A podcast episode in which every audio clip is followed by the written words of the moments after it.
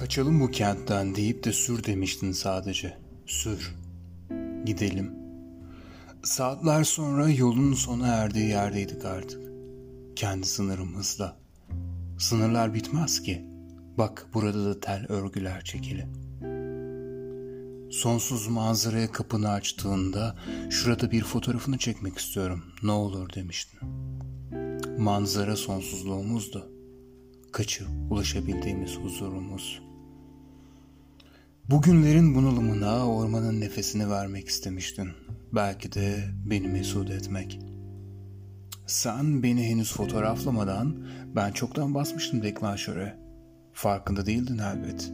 Sen çekmeden ben bu kadar yolun sarhoşluğunda kollarımın kanatlarımmışçasına açmış, aramızdaki tel örgülere inat sana uzatmıştım.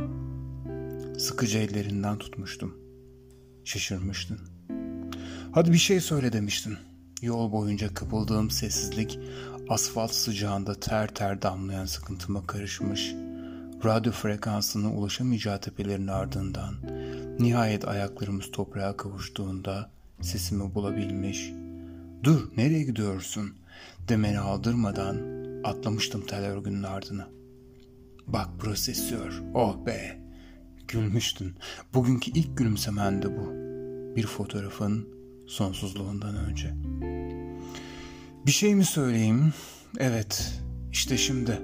Tam bu anda ne geçiyorsa aklından. Sonra bakar, hatırlarız. Rüzgarın serinliğinde terim soğurken bana ait olamayacak bir sesle bağırıp yankılanmasını beklemiştim. Yol boyu kapıldığım sessizliği kusmak istercesine. Yankılanmamıştı. Ama adını haykırmıştım. Hatırladın mı?